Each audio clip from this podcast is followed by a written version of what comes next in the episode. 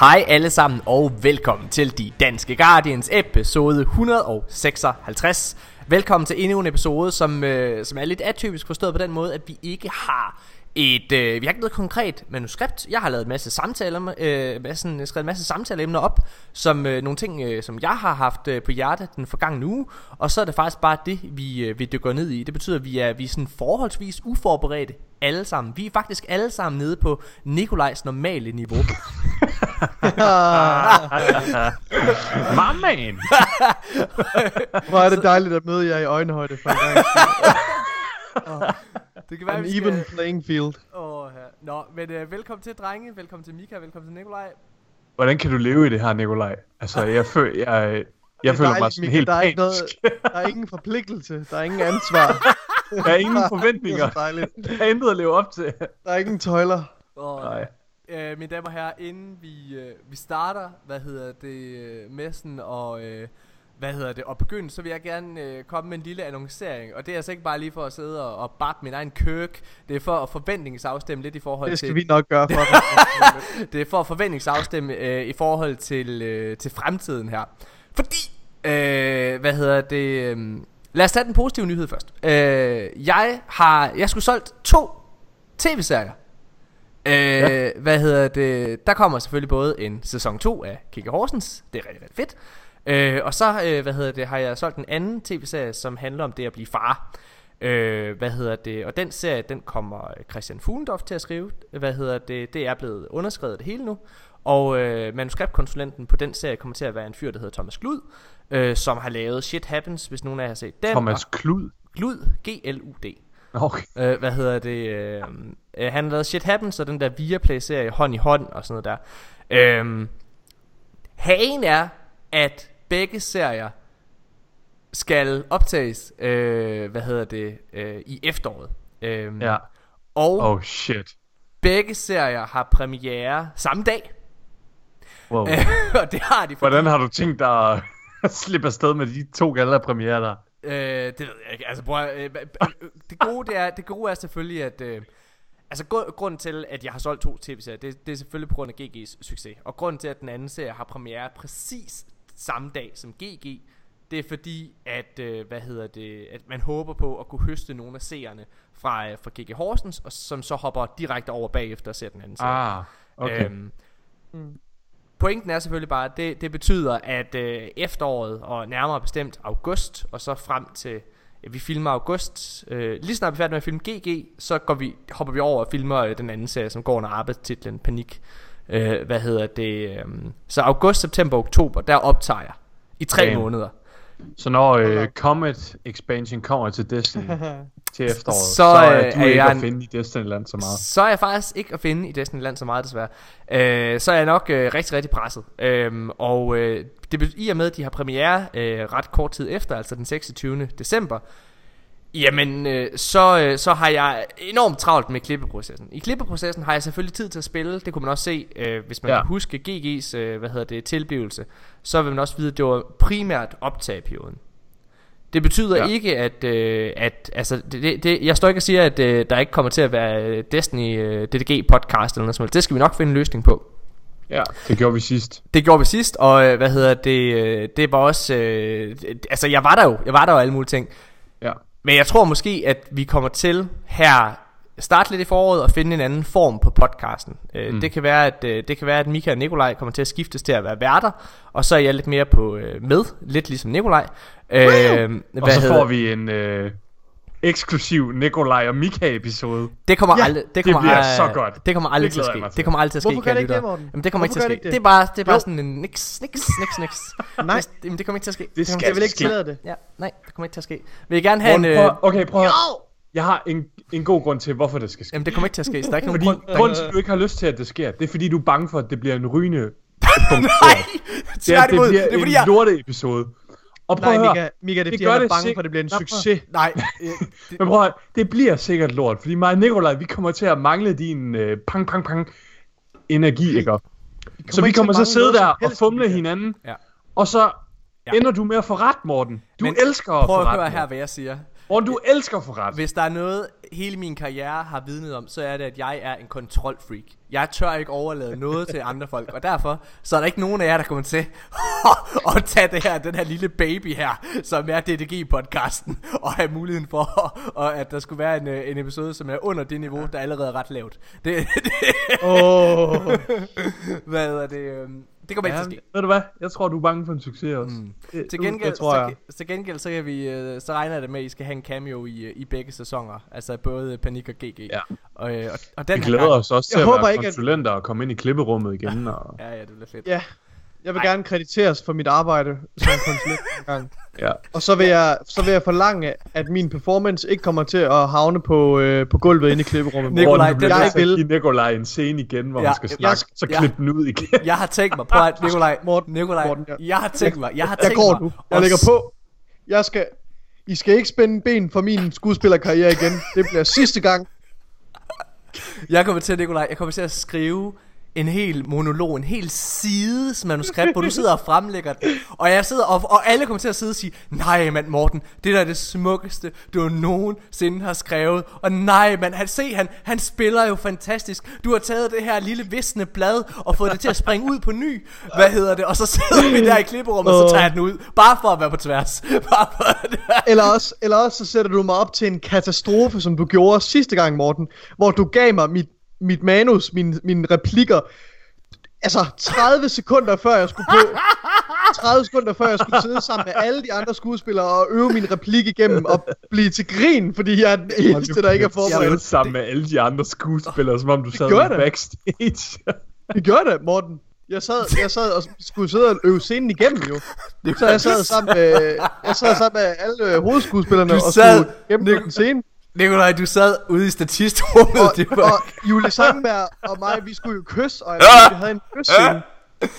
Og Prøv det var Den vildt ikke med. Den kom Jeg bare ikke med til. Nikolaj, Jeg kom ikke med. Når det er, når det er, at scenen den bliver vist så på, på tv, så bliver det Mika, der har dobbet dig. Nej, prøv at, det er bare, det er, øh, ved du hvad, det, det, det, det, vi gør det super, super kort. Det var bare for sådan at vidne om, at der kommer til at ske øh, nogle ændringer, øh, og det kan være, at det allerede starter her i foråret, fordi at, øh, øh, altså, det er også, jeg er selvfølgelig med til at skrive den anden serie også. Jeg er bare ikke hovedforfatter på den, fordi jeg kan ikke, det kan ikke være på to serier, som skal skrives på samme tid. Øhm, hvad hedder det? Det er, det er derfor, at Fuglendorf han skriver den. Men, men det, det bliver et rigtig, rigtig stramt forår, kan jeg se allerede nu. Øh, så det finder vi en eller anden løsning på. Der kommer til at være en DDG-podcast, øh, hvad hedder det, minimum hver anden uge. Øh, men vi satser på at kunne fortsætte det med, med hver uge. Øh, og så, så, så bliver det måske med det andet setup, at, at, at Michael og Nikolaj har tesen, eller måske skiftes til at være, øh, være vært i de episoder. Så, øhm, så ja, det er også lidt breaking news til, til Nikolaj og Mika. Eller de, de vidste godt det andet, men de vidste ikke, at de måske skulle have været der. Men jeg ved, at Mika han har siddet hungret efter chancen, hvor han kunne sidde, uh, så kan jeg også skrive podcast vært på mit CV. Nu er jeg et skridt tættere på. Åh, Gud. Nå, men det er en Destiny podcast det her, øh, hvad hedder det, øhm, og jeg synes, at vi skal hoppe direkte ud i det. Der, der har været meget, meget stille på nyhedsfronten, men hvad kan man sige, samtale... Community har, været, community har bosset den sidste uge. Ja, det, og det er det, der er rigtig, rigtig så meget at snakke om. Det er også derfor, det er sådan lidt mere løst. Jeg synes, at vi skal starte, øh, hvad hedder det, med at snakke omkring puzzle rewarden, øh, mm. der var der. Fordi at øh, vi havde jo, vi, vi, vi sad jo i sidste uge øh, episode, ja. der sad vi og spekulerede i, hvad fanden kan det her blive? Ja. Og vi sad og kom med alle vores gæt på, øh, hvad vi regnede med, det måske var, og vi tog alle sammen fejl. Ja, Ja. Men, selv dig, Morten. jamen, altså, det, jeg, jeg Og havde det er ikke noget- måske det vigtigste, man skal tage med derfra. Det var, at Morten tog fejl. Ja, ja, ja, Mika, jeg ved, og jeg ved, hvad, du sidder og laver. Jeg sidder, du, du ved, at sidder og prøver at fremhæve, at jeg laver en, Ja. ja. en masse fejlagtige ting, for du ved, jeg har ret i noget senere. Hvad ved det? så du sidder og prøver at, at fratage mig noget credit. Jeg, prøver lige, jeg skal bare lige have bare lige lidt point nu, så jeg lige har lidt bedre senere. Øh, prøv at, det der er, det er jo, at, øh, hvad hedder det... Altså, jeg, jeg, tror ikke, der var nogen af os, hverken Michael eller Nikolaj, eller, øh, eller, og, og heller ikke jeg for den sags skyld, der var, der var skråsikre på, den, hvad den her reward var. Men jeg kan huske, at vi alle sammen sad og snakkede om, at prøv at høre her. Det handler om, at, at det er en oplevelse, det handler om, at man er med ja. i det her. Og så er det lidt lige meget, hvad rewarden er efterfølgende. Ja. Øh, det, det, jeg tror, det var det, vi alle sammen sagde. Så kan det være, at der er nogen af os, der har, der har skiftet mening sidenhen. Men jeg kan i hvert fald huske, at jeg sad og sagde, at øh, prøv at selv, selv hvis, lad os antage, at det her det viser sig at være et, et, et lorte, en lorte reward, og det bare er et emblem, så mm. handler det om det, den følelse, den oplevelse, hele communityet havde sidste uge. Det holder jeg stadig på. At, øh, efter at vi fandt ud af, at belønningen, det var den her Exotic Fusion Rifle her, der hedder Bastion, Bastion hedder det, Ja. øhm, som egentlig allerede lå på, på roadmappet, men sk- som skulle komme i, ja, nu på tirsdag. Ja. Ja. Hvad, øh, hvad, synes I, øh, hvad synes I om det, at man fik forskud på, på de glæder? Jeg, jeg er enig med dig, øh, Morten, i forhold til det her med, at, at, at belønningen for den her rejse ikke er, er, er hovedformålet og pointen med det. Jeg synes, jeg synes at, det, at det er det her puzzle, som er, som er, altså, som er den egentlige reward. Ja. Øh, og jeg tror bare, jeg tror, jeg, vi blev, jeg blev enig med mig selv om i sidste episode, at det var bare vigtigt, at den her reward var logisk sammen, altså hang sammen med questen, sådan tematisk. Men, øh, men jeg vil sige, jeg synes stadigvæk, at det er problematisk, at de vælger at, at give os en reward, som står på, på roadmappet. Det er, det, det, er det, det er nok det eneste problem, jeg har med det. Ja. Det er, at det allerede er noget, der er annonceret på roadmappet, og det med, at vi får det tidligt, er ikke en reward. Fordi vi vidste allerede, at det kom, altså.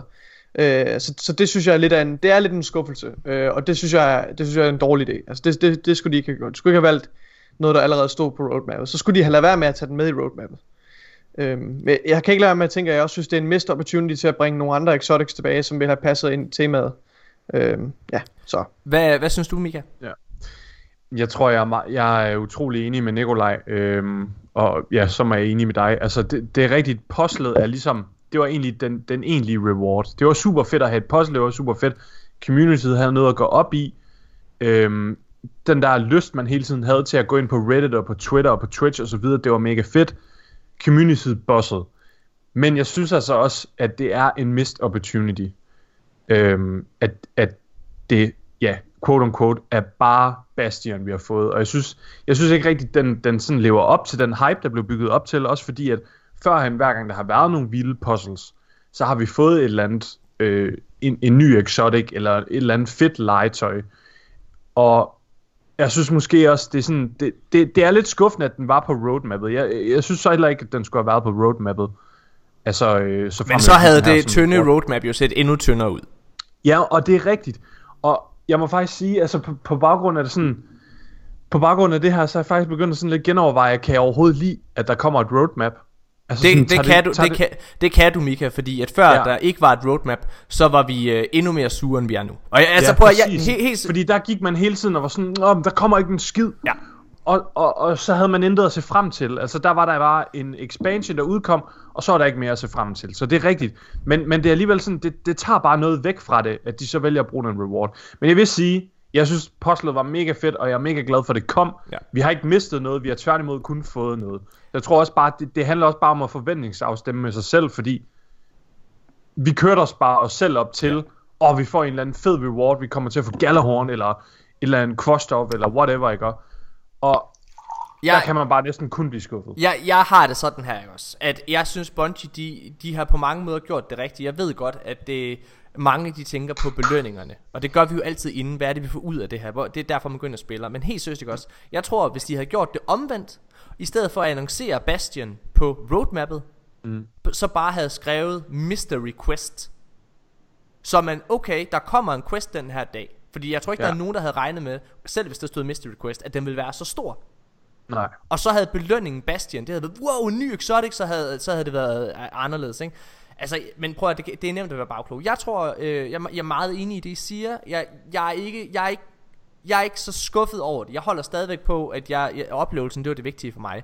Og jeg, mine forventninger var ret lave. Jeg havde lidt regnet med et emblem bare. Hvad hedder det? Så, så når jeg sidder og kigger på, hvad vi har helst af, den her nye Exotic Bastion, øh, på forhånd, eller øh, et emblem, jamen så vil jeg hellere have Bastion. Ja, Jeg og det er jo sådan, man skal kigge på det. Det er sådan, man skal kigge på det. Ja.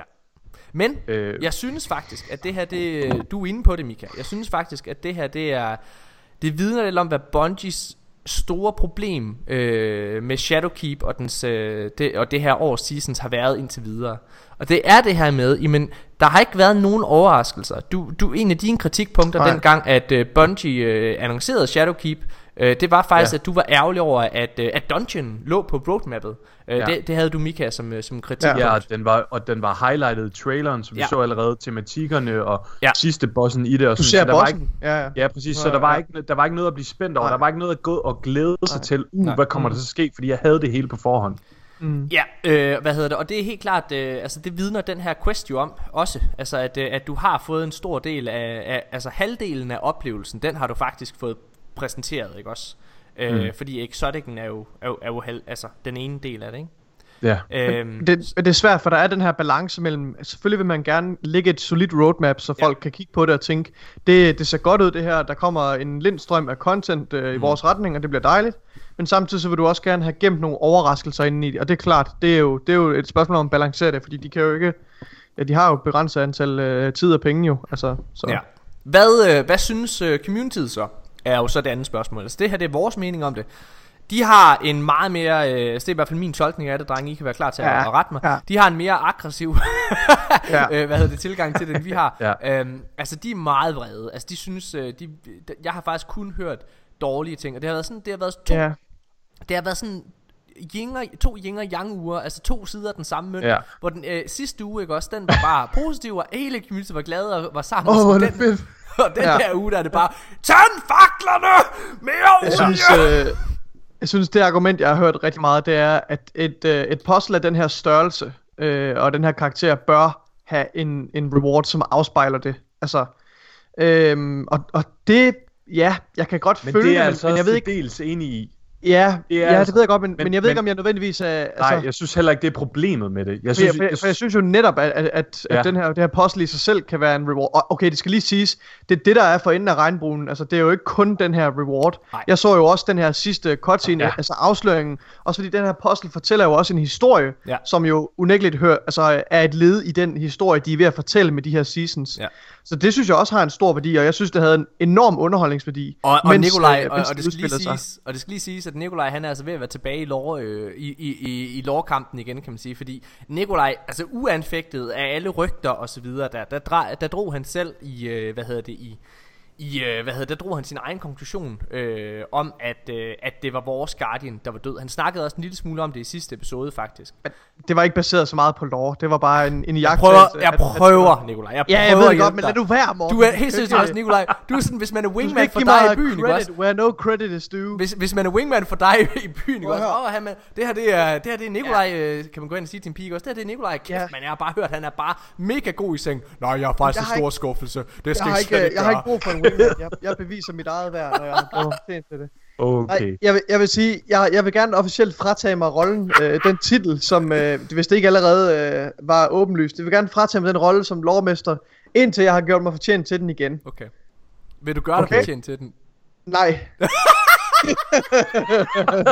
jeg vil, kan jeg ikke bare være fluen på væggen? Fluen på væggen. Kan, Jo. kan, jeg ikke bare, kan vi ikke bare åbne Skype hver gang, og så kan jeg bare sidde stille og smile og Nikolaj, nikke, Nikolaj, mens de snakker? Nikolaj, du er den der, du er den der, Jeg er enig, Morten. du er den Jeg er enig. Mortens ekokammer.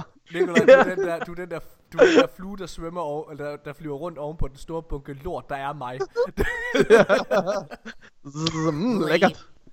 Okay, prøv at høre her, drengen siger. Jeg, øhm, jeg, jeg, jeg forstår, communityet er rigtig, rigtig sure over det her. Jeg synes, mm. Det, jeg kan godt forstå, at de er sure. Jeg er, ikke, jeg, jeg er ikke selv så sur igen. Øh, men det er jo igen det her, når man har forberedt sig mentalt på, hvad der, er, der kommer, jamen så bliver man heller ikke så, øh, så ærgerlig. Og jeg er faktisk, der er faktisk nogle ting, jeg er meget, meget begejstret for. Øh, Nikolaj, du er inde på noget af den her, den sidste dialog øh, med Saint 14, der fortæller, at det er vores Guardian, der ligger der og er død og så videre. Men det er noget helt andet, jeg hæfter mig ved. Og jeg forstår ikke, at der ikke er andre community-folk, der har hæftet sig i det her. Fordi når du har lavet den der Corridors for Time, eller hvis du bare i tirsdags logger ind, så går du ja. Ned til en Saint 14, der siger, jeg savner Old Russia. Måske bør jeg snart, eller måske vender jeg snart tilbage, eller, eller undskyld, jeg vender snart tilbage til det, når det er, jeg har hvilet. Noget af den stil. Ja. Der er, altså, prøv at høre, jeg er helt med. Jeg er manden, der gerne vil have D1 ind i D2. Men, det jeg hæfter mig ved her, det er, det er Old Russia specifikt, der bliver henvist til. Jeg synes selv, at det er et meget, meget stort hint til, at vi kommer tilbage til Old Russia. og det, der gør det her mere, hvad kan man kalde det, valid, og det er, selvfølgelig er spin for alt det hele, men, men det, der trods alt gør, at der er lidt mere i det her, det, vi snakkede faktisk en lille smule om det i sidste episode af podcasten også. Ja. Det her med, jamen Old Russia, altså Cosmodrome og så videre, som var gammel location for D1, gammel patrol area, en stor del af det ligger allerede i D2 og vi har været dernede i brødkrumme situationer. Og der er endda blevet udvidet i det. Altså med Shadowkeep, der var der en mission, man lavede for, hvad hedder det, for Gunsmithen. Hvor det var, at du kommer over i nogle områder af, af, af, af Cosmodome, ja, som du ja, ikke du havde, kravler rundt ind i væggen. Inde i muren der, ja. som ja. du ikke havde været på før. Ja, Så altså, jeg synes jo, at der er mange hints til, at, Ja, man, det er- at Cosmodrome måske vender tilbage på, i, en, øh, i en ny version, ligesom vi så med månen. Ja. Ja. Jeg synes helt klart, det er noget andet. Altså, hvis han havde omtalt sådan Venus eller sådan et eller andet, så ville man ikke rigtig tænke over det. Men Og det er havde jeg også gjort. Det havde jeg også gjort. Ja, men, men, men jamen, Hvis det havde været en du sikkert, destination- Men jeg siger bare, Hvis det havde været destin- frem, Hvis det havde været en destination, man ikke havde været på før. Hvis det havde været sådan Ja. ja. noget, altså hvis han for eksempel sagde, øh, øh, hvad hedder det, Pluto. Hvad hedder det, kæft man, jeg har engang været Pluto. Det, kunne- der kunne jeg måske vende tilbage. Så havde jeg ikke lagt noget som helst i det. Men hvis det var, Nej, okay. men det er det her med, at det er en gammel Men- location. Ja, jeg synes bare specielt, altså det er, for mig er det specielt, fordi det netop er Old Russia, fordi at det er et sted, hvor vi har semi-været ja. Ja. i Destiny 2 også. Altså, vi, og som du selv siger, vi har allerede udbygget, eller de har udbygget på det der. Så det er ikke, det er ikke ud af ingenting, at det kommer. Det er allerede altså, lavet til Destiny 2's engine. Ja. Så for mig er det plausibelt, synes jeg. Altså, det, øh, det er muligt. Jeg er spændt på at se, om øh, der kommer noget, øh, noget viderebygning på Saints karakter. Det kunne øh, potentielt være i nogle af de næste sæsoner, at vi rent faktisk kommer ned på Cosmodrome eller Old Russia. Ja. Ja, altså jeg håber, jeg håber, jeg håber det. Jeg skal være ærlig og sige, jeg frygter rigtig, rigtig meget, at Saint 14 han kommer til at ligge stille i en periode. Det er jeg også meget bange for. Øh, det er jo Altså det, de- det, indtil, indtil Trials vender tilbage i hvert fald. Jamen, det tror jeg, det gør i næste øh, sæson. Hvad hedder det? Næste jeg, sæson. Sæson 10. Ja, sæson 10. Men, Ja. jeg, men, men, men der er... Men jeg tror desværre ikke, han kommer til at være... Så, jeg tror, han kommer til at være venteren til det. Det, det, det, det synes ja. jeg virker meget kortene, det der med, med hans location, og han er på tower og så videre. Jeg tror, han forbliver, og jeg tror, at han kommer til at være venteren. Men jeg tror ikke desværre, der kommer til at være nogen viderebygning på hans karakter. Nej. Øhm, Jeg synes, det er mega ærgerligt, fordi jeg synes virkelig, Saint han er en sindssygt fed, og øh, altså, han er bare en ny stable. Ja, i- men, og, og, og, altså og, karaktererne og i det tror jeg også, de har fundet ud af, og derfor så tror Ja. jeg også, at han kommer igen i fremtiden. Men altså, prøv at se på det, altså Eris Morn har heller ikke været en del af, Nej. af det her, ikke også? Øhm, og jeg må faktisk sige, noget jeg savner en lille bitte smule, som Bungie selv lagde op til. Det er altså ikke bare mig, der sidder og, og beder om noget her. Det, Bungie sagde, at der ville være en rød tråd igennem hele det her år her. Og at tingene ville hænge sammen, og hver enkelt sæson var connected med, det, med hinanden. Og der, det jeg læste i det og håbede på, da jeg hørte det, det var jo ikke bare, altså at det var sådan farfetched, at nå, fordi vi klarede ham der Undying Dying Mind, så var der kommet problemer i tidslinjen. Altså, Ja. ja. så, så altså, Ej, det er sådan... hvad hedder det? altså, Ah. Jeg, jeg, havde, jeg havde jo håbet på, at, øh, at hvad hedder det, Sand 14, øh, hvis man havde vidst, lad os antage, at vi havde vidst, at var ham, der vendte tilbage dengang, jamen så ville han have haft noget med Eris Morn at gøre. Altså, at det var en lang storyline, der udspillede sig over et år. Og det kan selvfølgelig være, det kan stadig nås, det kan stadig nås. Øh, men, men, men der er meget... Øh, Ja. ja. Jeg vil, der, sige, jeg vil sige, det kan stadig nås, og det er jo det, netop det, der er visionen for de her seasons. Ja, Altså, det håber jeg. Jeg håber, jeg håber det sker. Øhm, ja, okay. Men i hvert fald, jeg synes det her med, at Old Russia bliver hentet, øh, det synes jeg er sindssygt spændende, og for mig, mm. så er det et, det, det, det, er det her, det er den her dialog, hvor han siger så specifikt, jeg, vender, jeg bør nok vende tilbage snart, eller jeg vender tilbage snart, når jeg har hvilet lidt. ja. Øh, det kunne godt vidne om, okay, men altså, at Saint 14 er måske ikke spilleren i næste sæson, hvad hedder det, men øh, lad os antage til sommer, at så kunne han vende tilbage der, øh, til Ja. Cosmodrome. Nå, Hvis jeg lige må have lov til at sige en sidste ting omkring øh, puzzle, ja. Ja. så kunne jeg godt lige tænke mig det. Jeg, øh, jeg tror, jeg nået til konklusionen, at jeg, altså, overall er jeg super positiv, og jeg synes, det er virkelig fedt. Jeg tror bare, for mig så slutter den af sådan lidt mediocre øh, med, quit, eller med rewarden Bastion, ikke? Og, og det har vi snakket om tidligere. Men den slutter af sådan lidt mediocre, og det, derfor så stopper man sådan lidt med sådan en følelse sådan, ja, det var egentlig okay. Men selve questen, da den kom, Og i de der første dage, hvor den var ude, altså op til hvor vi fik rewarden, det var noget af det bedste, og, altså en af de bedste tidspunkter i lang tid, der har været i Destiny. Og der var jeg Og du var ikke med til det? Nej, jeg var ikke med til det. Men, men alligevel, sådan, jeg kunne følge med på sidelinjen, ikke? Og der var jeg op i skyerne over det. Og så Ja. kom der en mediocre reward. Hvis det havde været den anden vej rundt, ikke? Så ville, så ville man huske det her som en af de bedste oplevelser, der har været. Ja, men, men okay, nu kommer jeg med en lille... Øh, altså, det, det, må- det, det her, det er... Øh, Gerne kom med noget. Ja. Altså, jeg må jo nok sige, at øh, det her, det er jo nok grunden til, hvis jeg skal være helt hård. Det her, det er nok grunden til, at Bungie ikke afslutter nogen af deres mange historier, der ligger derude. Fordi hvis I kigger på det, så har Bungie jo aldrig rigtig lavet en afslutning på en historie. Og hver gang vi har set det, de selv kalder en afslutning, nu er jeg rigtig hård, men hver gang vi har set det, de selv kalder en afslutning, så har folk faktisk været ret skuffede. Altså, Vex Offensive byggede de selv afslutningen op og så videre, det ville blive episk og alle mulige ting, og det var mega dårligt. Ja. Øh, og hvad hedder det? Og så afslutningen på den her, den har jo også øh, gjort øh, en stor del af communityet lidt frustreret. Så hvis I ser hele Destiny, altså spillet øh, på samme måde, ikke også? Jamen så kan man jo frygte, at når det er, at det hele om nogle år skal rundes af, jamen så bliver afslutningen skuffende, måske. Det kan jo ske. Mm. Og det, altså, det er jo den frygt, der er, når man skal sidde og, og, og for, ja. Og der vil jeg jo, der vil jeg, og når, hvis Ja. det er, at Destiny's historie slutter skuffende, så vil jeg sidde på præcis samme måde, som jeg gør nu.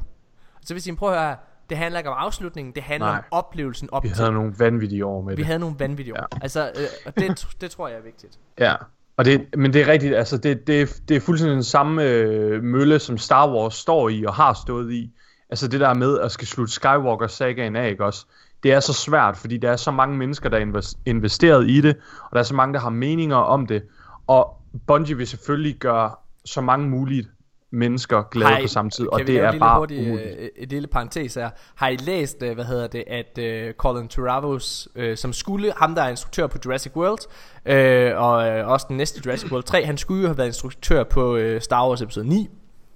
Og der var blevet skrevet et manuskript og alle mulige ting. Concept art, alt muligt pjat. Og øh, hvad hedder det, så blev han fyret øh, af Kathleen Kennedy. Og øh, hun fik J.T. Abrams på i stedet for. Det var begrundet kreative uenigheder.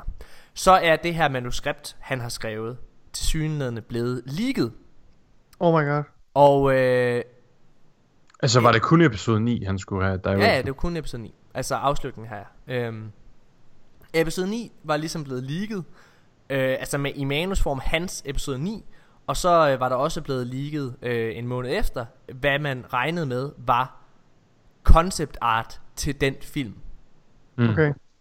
Og det var der selvfølgelig ikke nogen, der var ude og øh, kommentere på, så det var jo bare, ja, det er jo bare rygter. Ret gennemarbejdede rygter, men det var bare rygter. Så var Colin Trevorrow ude og sige, det var hans concept art. Okay, er det altså, godt? validere det manuskriptet. Jeg synes... Hvad Har du læst manuskriptet? jeg har læst det. Hvad hedder det? Øh, og man kan, ellers kan man høre en gennemgang øh, online. Jeg synes, første akt i hans Star Wars episode 9 er rigtig godt. Og så falder det fuldstændig fra hinanden. Det er... Okay. Altså, det Hvordan er, det? Forklar. Jamen, jeg, det, nej, det, det, det, var- det vil jeg gerne gøre, når vi er færdige med at optage. Det, prøv at gå ind, gå Ja. ind og se en YouTube-video, der kan man gøre det, gør det meget, meget hurtigere. Hvad, det vil jeg Jamen, gerne, kan, du ikke, kan du ikke komme med sådan en, en, en generel Nej. forklaring? Hvad, hvad grund, nej, nej, hvad er grunden til, at det falder sammen? Altså, Jamen altså, for det, det er en helt anden ark, han har. Altså, Kylo Ren, han er unredeemable. Det vil sige, Kylo Ren, han, altså, han er, øh, øh, han er, Okay, han, han- han er evil, evil, evil, evil. Den er Ja. bare, øh, hvad, altså, det, det, det er bare alle... Det er svært at, det er svært at forklare. Det, det, det er bare Okay. så mudret, hvad hedder det... Øh, jeg er jo en af dem, der faktisk synes, at episode 9 er blevet ret god. Og jeg synes Ja. i hvert fald, når man Okay. har sådan, når man har nu har, øh, jeg synes det er noget flot concept art Hvad hedder det, man har Luke Skywalker Der sådan he, igennem hele manuskriptet Sådan øh, jager øh, Hvad hedder det, altså Kylo Ren øh, Haunter his memories, eller hvad man kan kalde det Det er ret spændende øh, Hvad hedder det, der, der er, Kylo Ren han har endda sådan en, en, en kamp mod øh, Darth Vader i gåsøjne Et spøgelse af ham, øh, Dagobah style øh, fra, fra episode 5 øh, Men det er, altså det er jeg, jeg, synes, jeg synes første del er rigtig god, og så falder det fra hinanden. Ja, Øh, okay. Det, der, og der, der synes jeg, at det andet er bedre. Så. Men, okay. men som Mi- Mikael Ja. sagde, men det er svært ligesom at gøre alle glade, og det er særligt, når man skal lave Ja. en afslutning. Og det synes jeg, det, det vidner det manuskript faktisk om. Altså, hvor svært det har været. Og der er, Ja, okay. der er nogle fede øjeblikke. Der er sådan en Chewbacca i en, der er i en X-Wing på et tidspunkt, og alle mulige ting. Det er sådan meget fedt at se. Øh, nå, ja, ja. Okay. Øh, hvad var det nu, vi snakkede om? Øh, snakker det var Destiny. Træt, altså. Nå jo, Øh, prøv at Hvad er det? Vi kom til næste her. Ja, ja, Bungie, det her puzzle her, øh, det har faktisk været øh, inspireret af den her øh, horrorfilm, der hedder øh, Cube. Har I nogensinde set den? Nej, Nej. jeg har overvejet det, men i Ja. det, at det er en horrorfilm, så har jeg ikke tænkt mig at gøre det. Nej, jeg tænker, det, det, er, nok, det er nok ikke dig. Øh, okay, det, det, Cube, det handler om en, øh, nogle mennesker, der vå- vågner op inde i sådan nogle små cubes, og så skal de finde ud. Altså det er, Okay. øh, hvad hedder det? Det er sådan nogle, der er sådan dødsfælder derinde, og Ja, sådan ja, alt præcis. muligt. Ja. Ja. Øhm, og det synes jeg er, det er ret, altså hvis man har set filmen, så er det altså en ret, der kan man godt se referencerne. Det synes jeg, mm. jeg synes virkelig, det, er- det, det, det er fedt. Jeg synes hele Det er sådan det der med, hvis man ikke tager den rigtige pathway, så bliver Ja. man nakket. Eller Ja, ja, og Okay. du skal virkelig tænke dig om og alle mulige ting. Det er ret nice. Fedt. Øhm, ja, okay. Så skal vi til det, mine damer herrer. Der, altså, som Mika han sagde i starten, så har der været rigtig, rigtig meget boss fra community i den her uge, og det har ikke, hvad hedder det, været... Øh, det har, ikke været, det har ikke været super positivt. Øh, hvad hedder Nej. det? Der har været, altså, den her brok er virkelig, virkelig begyndt at komme igen. Det at Gary, han havde en lang rant på, øh, på Twitch også, øh, som også... Øh, Har du set den? Øh, jeg har hørt Fireteam Chat, hvor, øh, Okay. hvor jeg hørte et minut af det. Jeg ved ikke, om den er længere, men jeg har ikke set Nej. det specifikke. Men jeg har hørt det, der var i hans... Øh, fire. Han spillede det, noget af det Jeg i vil- Fireteam Chat. Jeg vil gerne have hørt det, fordi jeg har, jeg har ikke øh, hørt det. Jeg har faktisk ikke hørt Fireteam Chat de sidste par uger. Okay, Øhm, ja, okay. men, øh, men jeg kunne godt tænke mig at høre det, fordi øh, som regel så... Øh, jeg, jeg kan godt lide at høre Destin Legary. Ja, altså han har, han, de havde selv... Altså om jeg er enig med ham, eller ej, det er egentlig irrelevant, men, men sådan, man, man, han er god til at udfordre ens tankegang, synes jeg. Noget jeg godt kunne lide ved seneste episode af Fireteam Chat, det var, at de trods alt havde, hvad hedder det, taget... Øh, de havde taget øh, Say No to Rage med ind, som havde en mere Ja. øh, forsvarende, hvad hedder det... Det var den eneste grund til, at ja. jeg overvejede at lytte til deres episode, men ja, det var... tilgang. Han er mere forsvarende øh, tilgang til det, hvad hedder det... Øh, i Ja, han er jo en af dem, der har haft fingrene i det her puzzle, og har været med til at uh, Har, når jeg løste det og sådan noget, ja. Jeg har og til, ja. det. Det er selvfølgelig, ja. Øhm, okay, men i hvert fald så har der det her den her forgangne uge har der været enormt meget boss. Øh, altså kritisk, altså fans er begyndt at falde, falde fra og begyndt at brokse over den her season model og det skal der heller ikke være nogen hemmelighed at øh, hvad hedder det øh, at det danske community helt klart også øh, er, er på et øh, på et lavpunkt i forhold til i forhold til spillere. Øh, Okay. hvad hedder det, det, det, det, det er ikke bare baseret på, på hvad kan man sige, på vores, øh, når jeg sidder og logger ind, det, er- det er sådan baseret på, når jeg sidder og hører fra andre, både fra lyttere, tusind tak fordi I skriver ind, og skriver til mig, igen, anbefal, skriv til podcasten, hvad hedder det, men, øh, men, men, men man kan godt se, men der er en tørke nu, Ja. og nu kommer den så. Hashtag Morten was right. Hvad hedder det?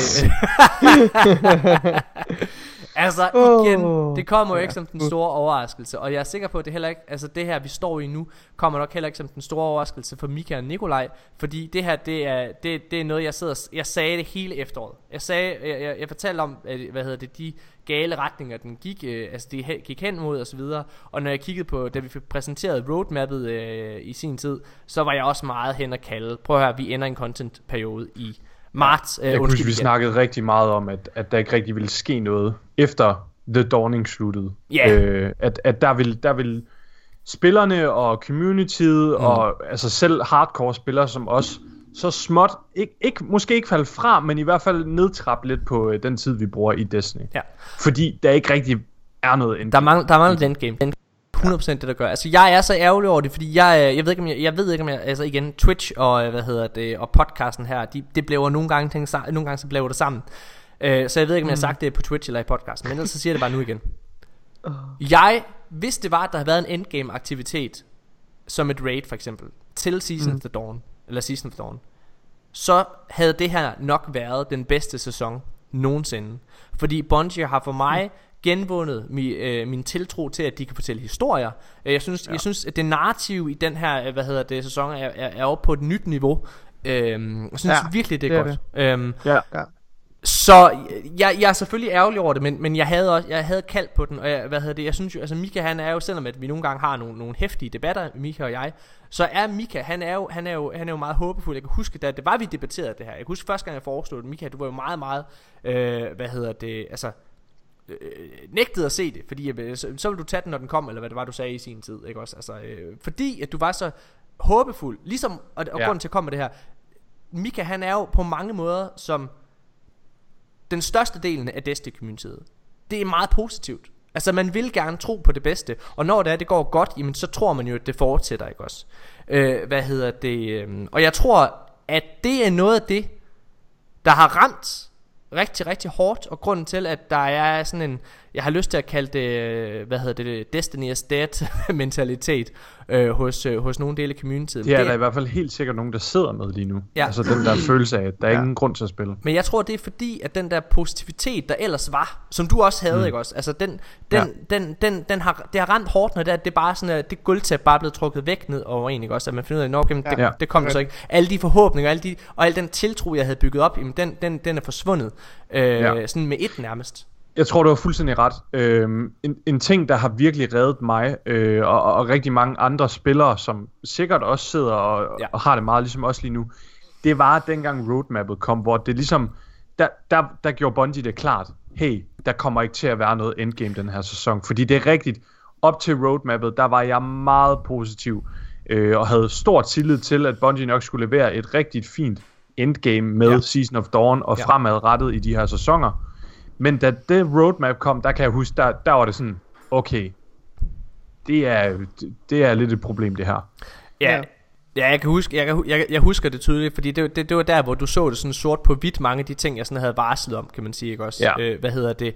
Øh, for jeg kan huske, at altså allerede i, jeg tror oktober eller sådan noget, eller, eller også var det, ja, oktober, ret, øh, ret kort tid efter, at øh, launchen var der, så sagde jeg, at det, det, at de ikke har annonceret, at der kommer flere raids, øh, var et problem, kan jeg huske. Øh, og det mm. var også noget, vi sådan sad og diskuterede. Øhm, og ja. det er, og, og, altså, jeg synes, det er så ærgerligt, at man ikke bare genbruger noget af det gamle. Men hvor er det, jeg vil hen med det? Er det bare sådan at sidde og, hvad hedder det, og søge min egen kirk igen, hvad hedder det, for at kunne, kunne lave den her analyse? Nej, det er det ikke. Det, det, det er simpelthen for at sidde og snakke omkring, men hvad er det, altså hvad fanden, hvad er det, der går galt? Fordi jeg har nemlig bud. hvad hedder det? Jeg har, øh, altså, fordi nu har vi, vi er ligesom gået ind i en tørkeperiode, og vi har jo selv, vi har selv, øh, hvad hedder det, øh, vi har selv mærket det også rigtig, rigtig meget. Øhm, altså, jeg, det kan godt være, at når det kommer til, hvilket content, der bliver udgivet for Bungie, så er jeg helt klart hit and miss. 100%. Men når det kommer af at analysere, hvilken vej Bungie går, og hmm. ofte hvilken mængde af content der kommer eller sådan nogle ting der, så er jeg forholdsvis skarp. Og det er også derfor, at nu sidder jeg bare lige og varsler om det her, inden jeg kommer med min, med, med min prediction her. Øh, hvorfor at det er, at vi sidder og ser øh, et, en drought lige nu, og om det er noget, vi kan forvente i fremtiden. For jeg tror, jeg har svaret på begge dele. Mm-hmm. Øh, jeg har tænkt rigtig, rigtig meget over det her, fordi det er noget, det er noget jeg har haft øh, tykket på siden efteråret, har jeg lyst til at sige. Hvad er det, der er sket her? Og jeg, min konklusion på hele det her, det er helt klart, nej, jeg tror ikke, det her det er noget, der kommer til at kunne øh, ses i fremtiden. Men for mig er det rigtig, rigtig tydeligt, at det vi befinder os i lige nu som spillere, det er en transition periode. Ja. Det tror jeg også. Altså for et år siden, der gik Activision og Bungie fra hinanden. Og Bungie blev nødt til at kigge ind af og se, jamen vi bliver nødt til at få det her til at fungere på andre måder. Vi mister Vicarious Visions og High Moon Studios, altså mister vi rigtig, rigtig mange hænder, der skal med til at lave det her. Og det er ligesom, altså det er lidt ligesom, hvis der du slår op med en kæreste, og du har boet sammen med den her kæreste, og lige så skal du øh, flytte, øh, flytte over og finde noget nyt. Så er der også en lille periode, ikke også, hvor du lige skal lande igen.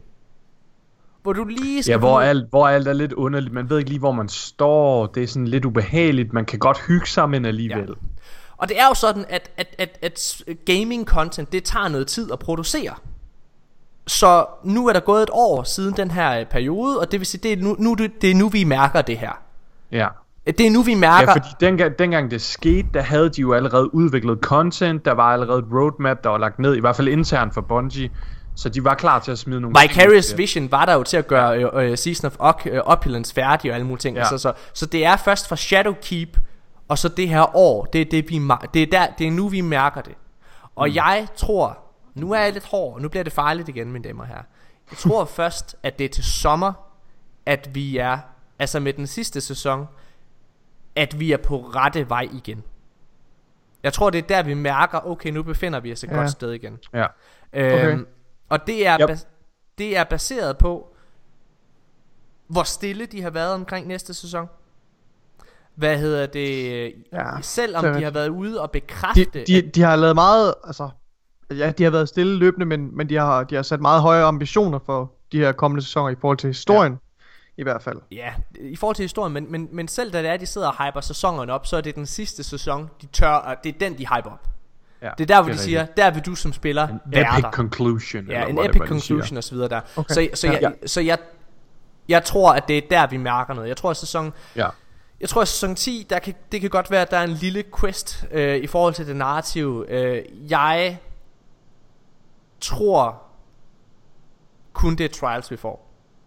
Øh, Ja. og, og jeg siger kun, fordi at, som jeg har sagt tidligere, så tror jeg desværre, at Trials kommer til at gøre, at det vækker et en del af communityet op, dem der gerne vil spille PvP. Men problemet har været, at Bungie ikke rigtig har appelleret til PvP-spillerne de sidste, tør jeg sige, halvandet år, to år måske endda. Ja. Og det betyder faktisk, at størstedelen af dem, der sidder og spiller Destiny, de spiller primært for PvE-contenten. Så det, ja. at vi i princippet har haft øh, den her sæson og næste, der ikke rigtigt har båret noget PvE-content, men det tror jeg helt klart kommer til at gøre, at den her tørkeperiode nok Ja. kommer til at fortsætte en lille smule. Jeg tror helt klart, at vi at communityet har, lever op, altså de, de lever op, når der er at Trials bliver annonceret. Det tror jeg, det gør. Og jeg tror, der kommer til at være på uger, hvor, hvor der er rigtig, rigtig god stemning og alle mulige ting. ja. Men jeg tror, at det dør ud igen.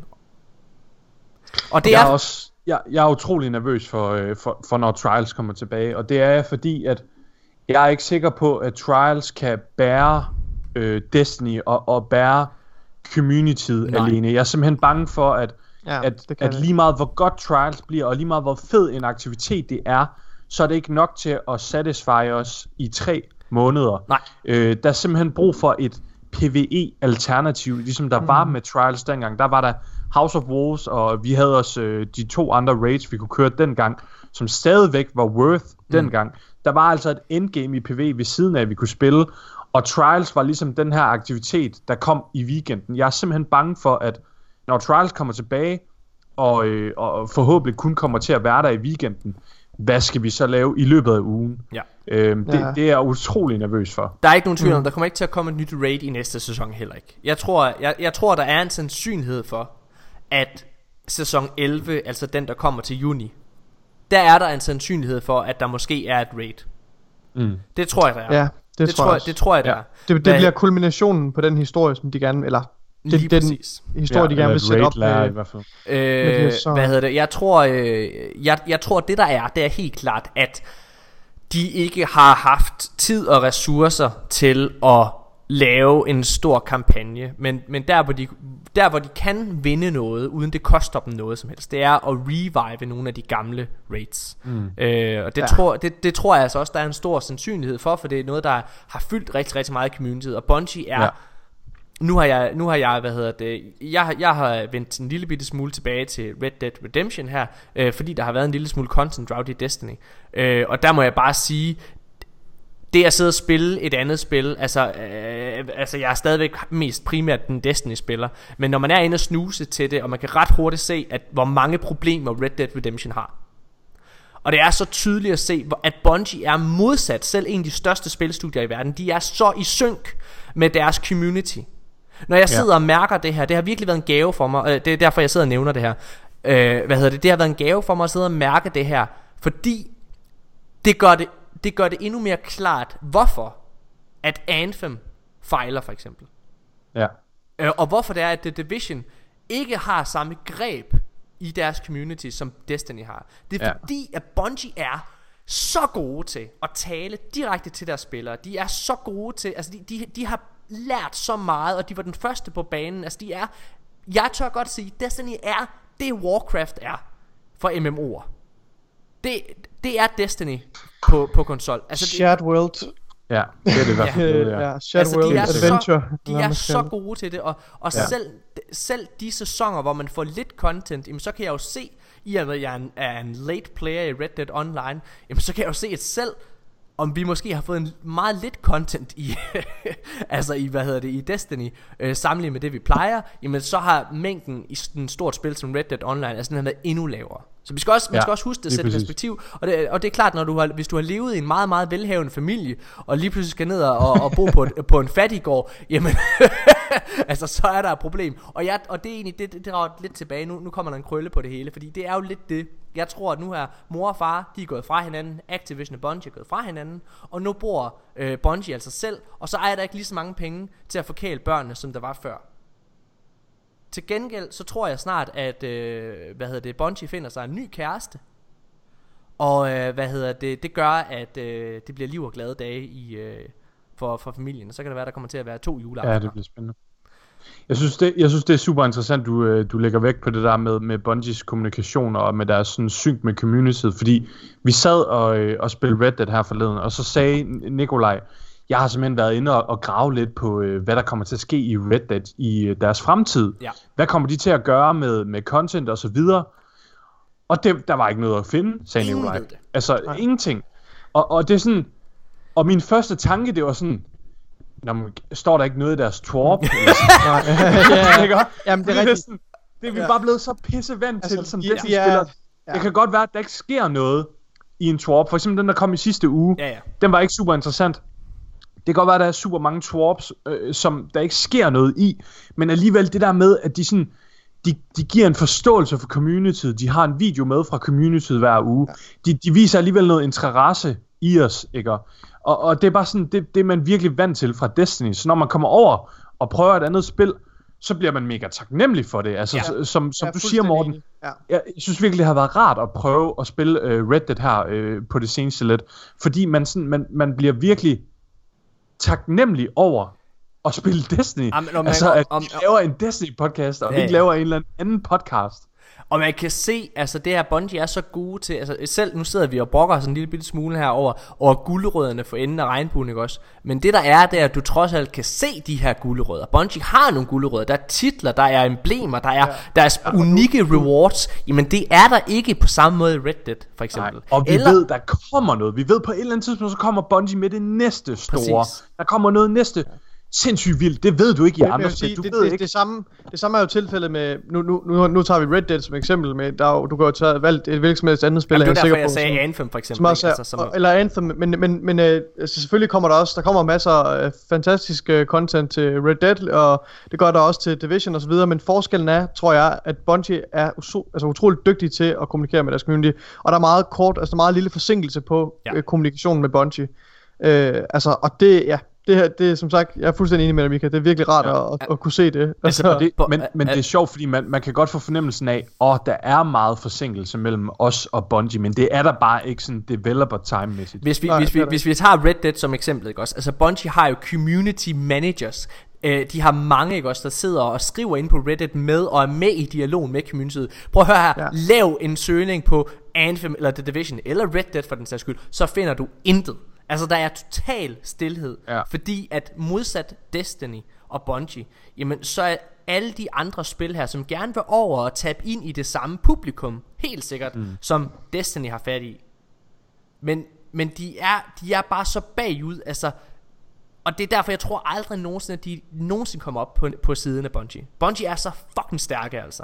Øh, ja. Hvad hedder det? Men, men som sagt, min konklusion på alt det her, og grunden til, at folk falder fra, jamen det er fordi, lige nu befinder vi os som sagt i en transition-periode.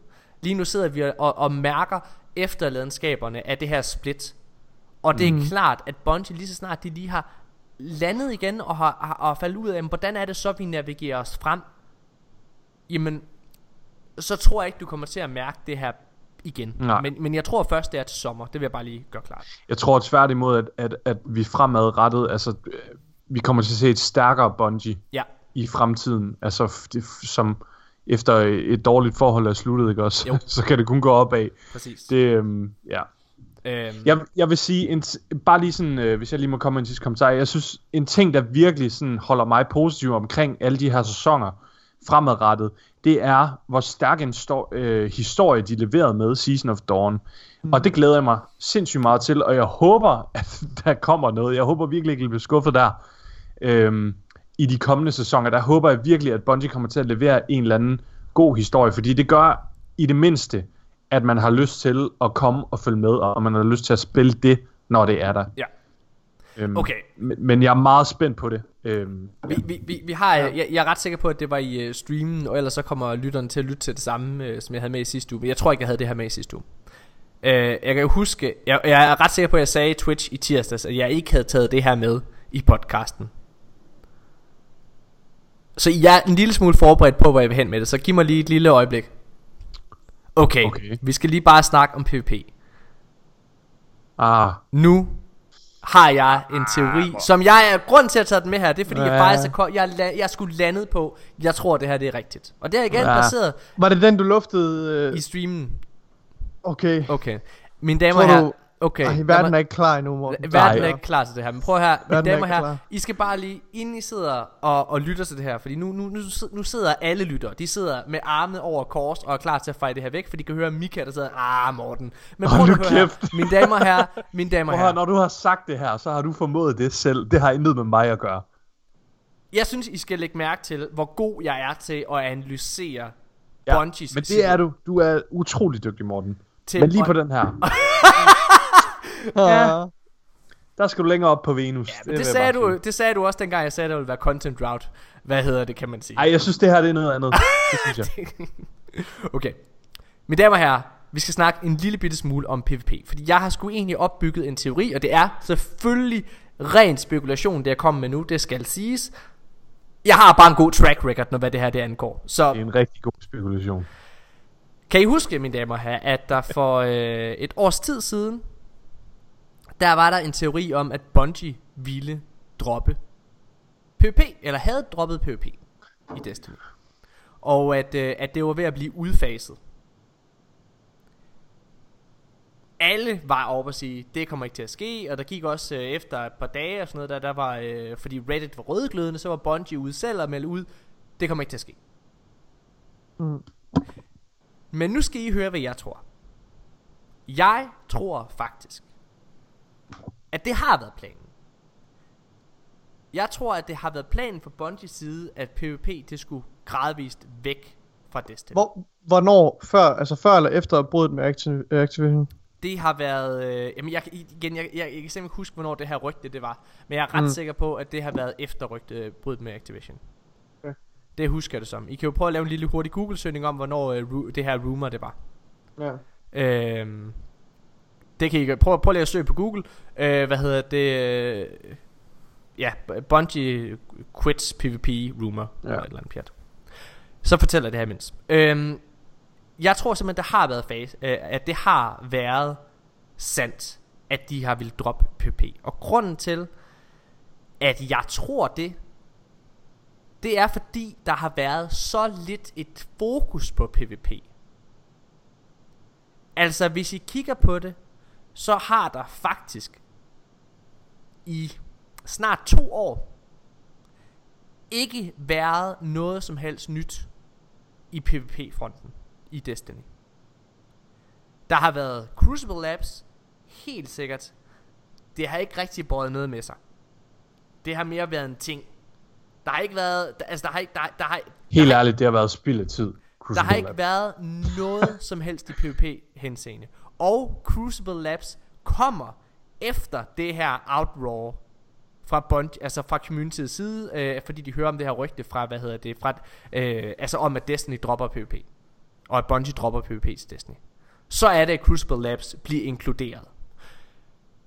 Jeg, og hvis man husker det, bare lige for at bygge det her op, fordi det, det, det der sker, det er jo, at de mest grundlæggende, og det er også derfor rygtet kom til at starte med,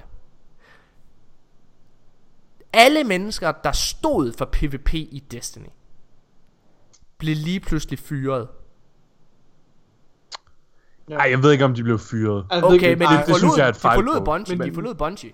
Ja, I hvert fald øh, ja, et par senior developers, der er smuttet fra Bungie. Alle, du, Mika, du sagde selv i sin tid, de mest essentielle Nævn, mennesker. nævn lige Det var John Wisniewski og John øh, Wisniewski. Josh Hamrick, Josh Hamrick. og så kan jeg ikke huske ham den sidste.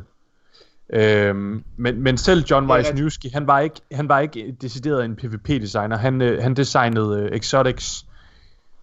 Øhm, Men, men Josh ja. Hamrick er. Josh og Hamrick, var. han var lead, øh, en af lead-designerne på PvP. Det er korrekt. Og det der er, det er jo så, at det her det sker, der er nogle af deres øh, store developers, der smutter. Og jeg tror, det har været fordi, at de vil droppe PvP. Jeg tror, det har været årsagen. Og det er derfor, der ikke rigtig var kommet noget op til. Der har heller ikke rigtig været nogen sandbox updates. Som sandbox updates har ofte været mest gældende i PvP henseende. Altså der har ikke rigtig været noget Der har gjort PvP interessant Og det er fordi et De havde Det her det er en teori ikke også Det er fordi de havde droppet Tror jeg PvP Så finder de ud af Fordi det her rygte kommer ud Communityet bliver rasende Bungie siger Fuck mand det kan vi ikke gøre Og slet ikke i den nuværende situation vi er i hvor vi enten, igen jeg kan ikke huske hvornår det her det sker, enten så er det op til, at de skal til at splitte fra Activision, eller også er det lige bagefter. Mm. Uanset hvad, det kan vi ikke gøre, vi kan ikke alienate det community, som vi har brug for, for at leve videre på egen hånd.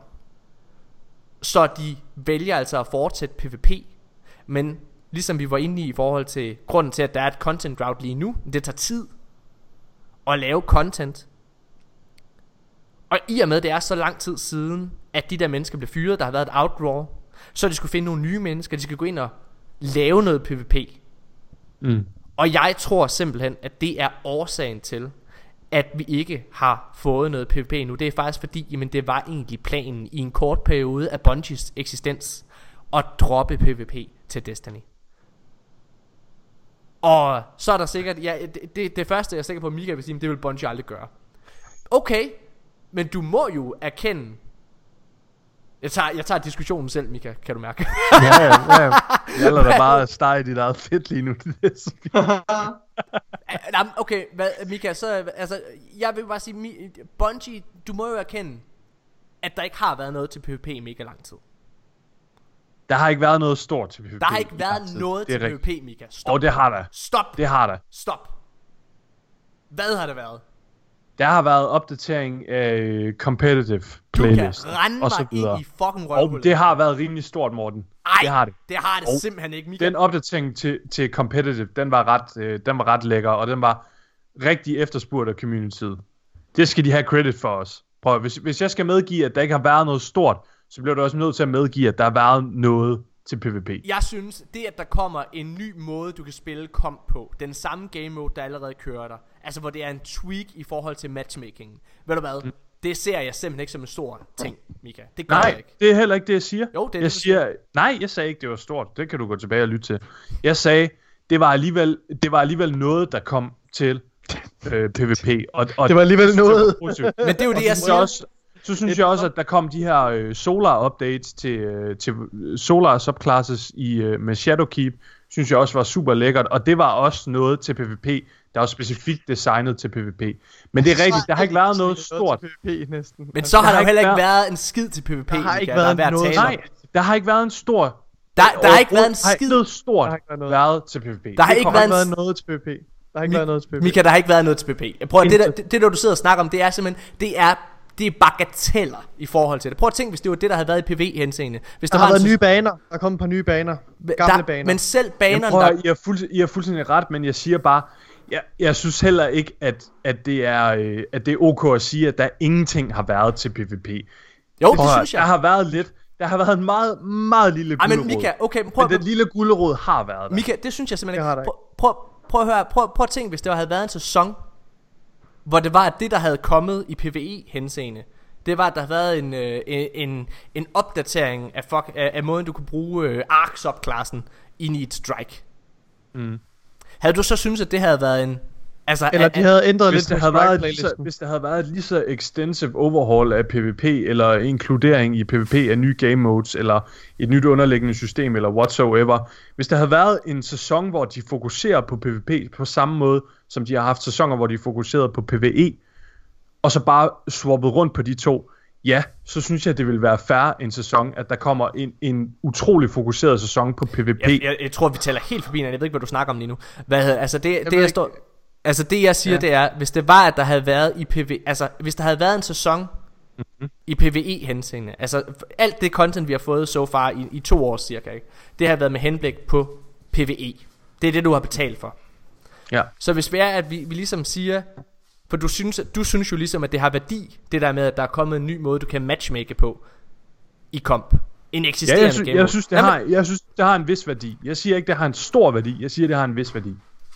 Men hvis, det var, hvis der havde været noget tilsvarende det Ja. ja. til PvE, havde noget, du noget, synes, noget ekvivalent i PvE kunne for eksempel være, at øh, de ændrede lidt på strike-playlisten, eller tilføjede en ny strike-playlist, som gjorde meget af det samme, men måske lidt anderledes. Hvad ved jeg?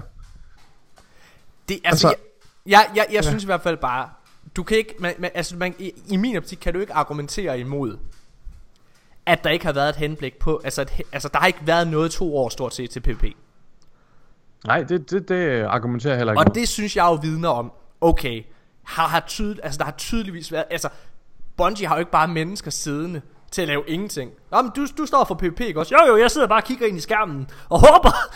så hvis mm. jeg finder en eller anden god idé, øh, de skal ja. nok, øh, så, så, så tager vi den, ikke også? Altså sådan er det jo ikke, man sidder og udvikler Prøv her, noget. jeg kan ikke komme med nogen gode argumenter for, hvorfor Bungie ikke skulle have droppet PvP andet end noget, vi sad og snakkede om tidligere, og det er, at Bungie forstår deres community pissegodt.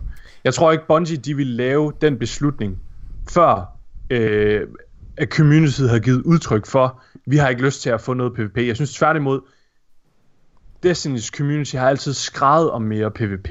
Men mere kan- PvP, mere PvP. Og jeg synes simpelthen, jeg, jeg, jeg synes det modsiger fuldstændig alt, øh, vi lige har siddet og rost Bungie for lige før. ikke, fordi hvis du kigger Om på, det hvad synes jeg. Okay, men det er fordi, vi, vi analyserer på to forskellige måder. Du analyserer slet ikke. Du analyserer nu og her, og jeg analyserer. Nej, Morten, hold nu op med det der.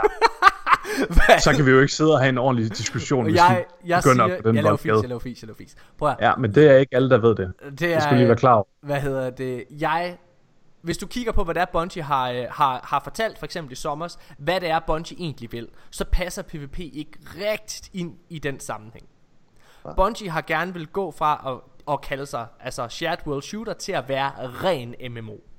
Mm. Og MMO er kendt ikke for deres PvP-tiltag, men særligt det her PvE-RPG-element, og det er det, Ja, de vil skrue op på. immersion. Immersion. Ja. Ja. Og det er det, de vil skrue op for. Det var det, de sagde. Og det er klart, det er jo ikke bare noget, man lige gør med et fingerknips. Det er noget, der har taget tid. Så når det er, vi hører om de her tanker, som så bliver præsenteret med Shadowkeep og Armor 2.0 og så videre, alt det her, i det hører PvP ikke ind under. Nej. Altså alt det forberedelse, de har haft op til det, det har ikke haft noget med PvP at gøre. Nej. Altså sidder du og giver mig ret i, okay, PvP har tydeligvis ikke været en del af det. De har, altså i deres mindset... PvP har ikke været et fokus. Det er, fuld, det er jeg fuldstændig enig Nå, i. men det har slet ikke været Men- en del men- af bond... Det har, Altså, det er slet, ikke, det har slet ikke været en del af Ej, men jeg, de jeg, kan simpelthen, jeg kan simpelthen ikke holde med, holde med på, at Bungie potentielt har droppet PvP. Det, det tror jeg fordi- simpelthen, det er out of the question. Altså, Nå, nej, det, det, det, så det, jeg føler ikke, det er det, vi snakker om lige nu. Destiny. Lige nu, der snakker vi bare om, at, at der ikke har været noget til PvP. Altså, der har ikke været... Det, PvP har ikke været, ja. en prior, har ikke været en prioritet, og det har heller ikke været... Det har, det har ikke engang stået på whiteboardet inde i lokalet, hvor de har snakket Nej. om den her sæson. Der har ikke engang Altså, været det er et segment, der hed PvP. Der har, været nogle, der har været nogle små brødkrummer for at holde øh, folk som mig muted. alt... Jamen, der har ikke... Prøv at, Michael, jeg Der har ikke engang været noget. Der har ikke engang været brødkrummer. Du lever i en... Der har ikke Nej, engang været sådan lidt... Der prøv har ikke engang været sådan lidt... det kan vi diskutere til evig tid. Lad os nu bare komme videre fra det her. Okay. Prøv at, hvad hedder det? Der er... Jeg tror simpelthen, det der er sket, det er, at de har siddet og kigget på cost prices. Mm. Fordi at de skulle lave et split. Ja. Og der har de set, prøv at, høre, de, prøv at, vi skal spare nogle steder. Alle de visioner, vi har for Destiny, der hører PvP ikke rigtig ind. Ja. Det er ikke en prioritet, og derfor så skrotter de det. De skrotter det. Og lige så snart, at det ligesom kommer ud til befolkningen, det her rygte, og efter at de har, om det er fyret eller han er gået selv, deres PvP-mand, han har forladt skuden. så skynder de sig at sige, bare rolig, PvP er stadig et fokus for os. Men mm. det har det ikke været, og der har ikke været noget nu udvikling op til det her punkt. Og det er først efterfølgende, at det så sker. Altså, kan det tidligst, og det er jo, det, at det er jo derfor, altså, du kan være uenig med, om, øh, om de har et leg, men du kan ikke prikke huller i min teori. Nej, jeg kan jo ikke sige, at din teori tager fejl. Altså, det, Nej, men det er jo du, kan netop ikke engang, du, pointen kan med en ikke, teori. du, du kan ikke engang modargumentere. Nej, nej, nej, nej, det er ikke, nej. Det er ikke pointen med en teori. Okay, men du så ikke forklare, hvad en teori er, Nikolaj? Jo, altså, det ved jeg, i den her sammenhæng, en teori, altså, det, der findes jo ikke en teori, du ikke kan prikke huller i, Mika. Du ved, altså en teori er jo er et model, det er et forslag. Altså, det er en, måske en testet hypotese, men du kan jo godt prikke huller i den. Altså, der er jo ikke Ja. nogen teori, der er Og endegyldig. Du kan okay. godt påpege og så, fejl. Og der, der vil jeg jo mene, at fordi at Bungie er så investeret i deres community og forstår deres community, så har vi altid bækket om mere PvP. Men du har ikke og fået det det. er rigtigt, det har, det er rigtigt, det har de ikke leveret. Det er I rigtigt, to og det er et år, kæmpe Mika. Problem. I to Det er år. et kæmpe problem, Morten. Jamen så har du Jeg ved ikke, hvorfor du er imod mig. Jeg siger, det er et kæmpe problem. Jeg siger bare, jeg tror simpelthen ikke på, at Bungie de har droppet PvP. Det kan det- simpelthen gå ind under. Mika, Mika, lige nu, der forveksler du... Oh, du, du, du betragter en, en holdning og en idé, den har, den har en værdi, og den, er øh, altså, den er valid, selvom der er, selvom der er argumenter for den eller ej. Den er, jamen, det, du, er, du er ligeglad, ja. Du er Ja, jeg fuldstændig ligeglad. er døvende ligeglad. Fordi jeg tror det er jeg godt klar over. at Bungie har droppet PvP. Det kan de simpelthen ikke overbevise mig om. Det er fordi, de har en teori. det kan vi tydeligvis ikke, Mika, men det er et problem. Fordi du er nødt til at bakke din, øh, din påstand og din holdning op med argumenter og med beviser. der siger. Jeg siger, at Bungie forstår deres community. Det er, Det er rigtigt, ikke et har argument. Okay. Det er da ikke bevis Du, du, sidder, du sidder det ene øjeblik, Mika. Prøv at høre. Nå, Prøv her. I har ret. Ej, hold kæft, Mika. What the fuck? Mika. Mika, prøv lige at høre her. Prøv at høre, hvad problemet er, ikke også? Du sidder, det ene øjeblik, der sidder du og siger, Bungie, de forstår deres community, og, og, og, og øh, hvad hedder det, laver content efter det. Det andet øjeblik, der sidder du og siger, Bungie har ikke givet, altså der er ikke kommet noget content til PvP, selvom vi har begget om det i to år. Ja, kan du og godt... det er et kæmpe problem. Nå, men det viser jo for fanden, Mika, at de ikke forstår det. Hvis det er, de forstår deres community, hvis de forstår, hvor meget PvP fylder i deres hoveder, så vil der jo selvfølgelig komme noget med PvP hele tiden. Men det gør der ikke. Ikke engang i en expansion. Der har været to i. expansions. Det har ret i. Nå, men så giver du mig jo også ret i, at Bungie tydeligvis ikke har tænkt, at der skulle noget PvP ind. så, så enten, enten Mika, så forstår de ikke, at PvP er vigtigt for deres community, eller også har de valgt at nedprioritere det. Det er de muligheder, der er. Der er Ja, kun de to muligheder. Så enten så, så, Okay. så enten så tager du og siger, okay, det jeg har siddet og prøvet at sige før med, at de forstår deres community, Så, det gør så, de. tror jeg ikke, så tror jeg ikke, at Bungie har forstået, hvor vigtigt PvP er for community. Nej, det kan også godt være. Okay, Mika. Og det, og det er der, hvor, det er der, hvor vi bevæger os ind på lidt mere, på lidt mere, på lidt øh, mindre solidt grundlag, fordi så er det, Ja. vi skal argumentere for, hvorfor, hvorfor er det det ene eller det andet. Præcis. Og jeg vil bare sige, jeg tror, det er meget, meget, meget mere sandsynligt, at de godt ved, at de, deres community godt kan lide PvP, men at de på trods af det har valgt at nedprioritere det af en eller anden årsag. Om det er, har noget at gøre med noget, noget, noget Økonomi, praktisk, noget logistisk, ja, med ja. økonomien. Ja. Hvad, hvad, har, hvad, giver, hvad, hvad giver os mest uh, bang for our bucks i den her sammenhæng her? Mm. Og, og jeg tror, det er muligt, at der på et tidspunkt har været snak om, at, øh, at PvP... Hvis, hvis, hvis der ikke har været snak om, at PvP skulle fjernes i D3 eller i Destinys fremtid, Ja. så har der i hvert fald været noget snak om en, altså en omfattende omstrukturering af PvP, og måske endda nedprioritering ja. af den her... Altså i kraft af, at John Wisniewski og, og Josh Hamrick har forladt Bungie på den måde. Altså, ja. Det var jeg- Det, det siger bare, det er min... Det er Og min jeg, jeg husker altså bare, jeg husker en af de rapporter nemlig, der rapporterede omkring det her. Det var Kotakus Jason Schreier. Det husker jeg det som. Det er muligt at tage fejl, men i så fald, så bør det give det endnu mere, altså credence, også retrospektivt. Men jeg kan huske, altså vi sad alle sammen og var enige om, det kommer Bungie aldrig til at gøre på det tidspunkt. Men det er jo igen, fordi der sidder man meget i det. Jeg siger bare her, retrospektivt, der er min teori, men det har faktisk i en kort stund været ude øh, af Destiny. Øh, og det er det, vi mærker nu. Det er derfor, der ikke er sket noget. Øh, fordi jeg tror nemlig, at Bungie godt forstår deres community. Jeg tror 100% at Bungie forstår det her. Men de havde ikke regnet med, at rygtet ville komme ud, og at rygtet mm. ville blive modtaget så hårdt. Altså, fordi det gav så meget modstand fra, øh, fra ja. Communityet. Øh, og derfor så skynder de sig at, en, at, at change lanes, eller hvad man kan kalde det. Jeg ved simpelthen ikke, hvor jeg skal sætte mig på den. Altså, fordi det er, det, det er to dumme sider af en dum mønt. Ja. Det er Øhm, det. Det er det. 100%. Ja. Det, er, øh, det er svært at, øh, at, at sætte, sætte sig på for mig. Ja, Jeg håber, det jeg øh, håber, at Trials finder tilbage, og at vi snart ser en ændring. Ja, Jamen, det, ja. ja. Okay. Hvad hedder det? Øh... Nu skal vi tælle det aller, aller sidste spørgsmål i den her episode af De Danske Guardians. Og det er faktisk noget, jeg har glemt, glædet mig en lille smule til. Jeg, jeg Ja. gav jer en opgave, inden vi, øh, hvad hedder det, startede med at optage. Og det var, at I skulle svare på, hvad Bungies største problem er i forhold til Destiny. Ja. Altså, hvad er det, vi individuelt mener, er det største issue, Bungie har? Og hvordan vi svarer på det, det vælger vi selv. Det er, hvad vores egen øh, vægt er på, selvfølgelig. Øhm, altså, om man, om man snakker om et, et problem, som man ser nu og her, eller det har været et mere et større problem sådan over, over alle årene, eller sådan noget. Det er op til den enkelte af os. Øh, hvad hedder det? Og inden vi startede med optag, så bad Nikolaj mig om, ja jeg, jeg vil godt fortælle det. at, at han... Okay, så fortæl Nikolaj, hvad? Ja, lige inden vi startede med at optage, så, øh, så øh, bad jeg Morten om, om jeg ikke måtte få lov at præsentere mit svar først.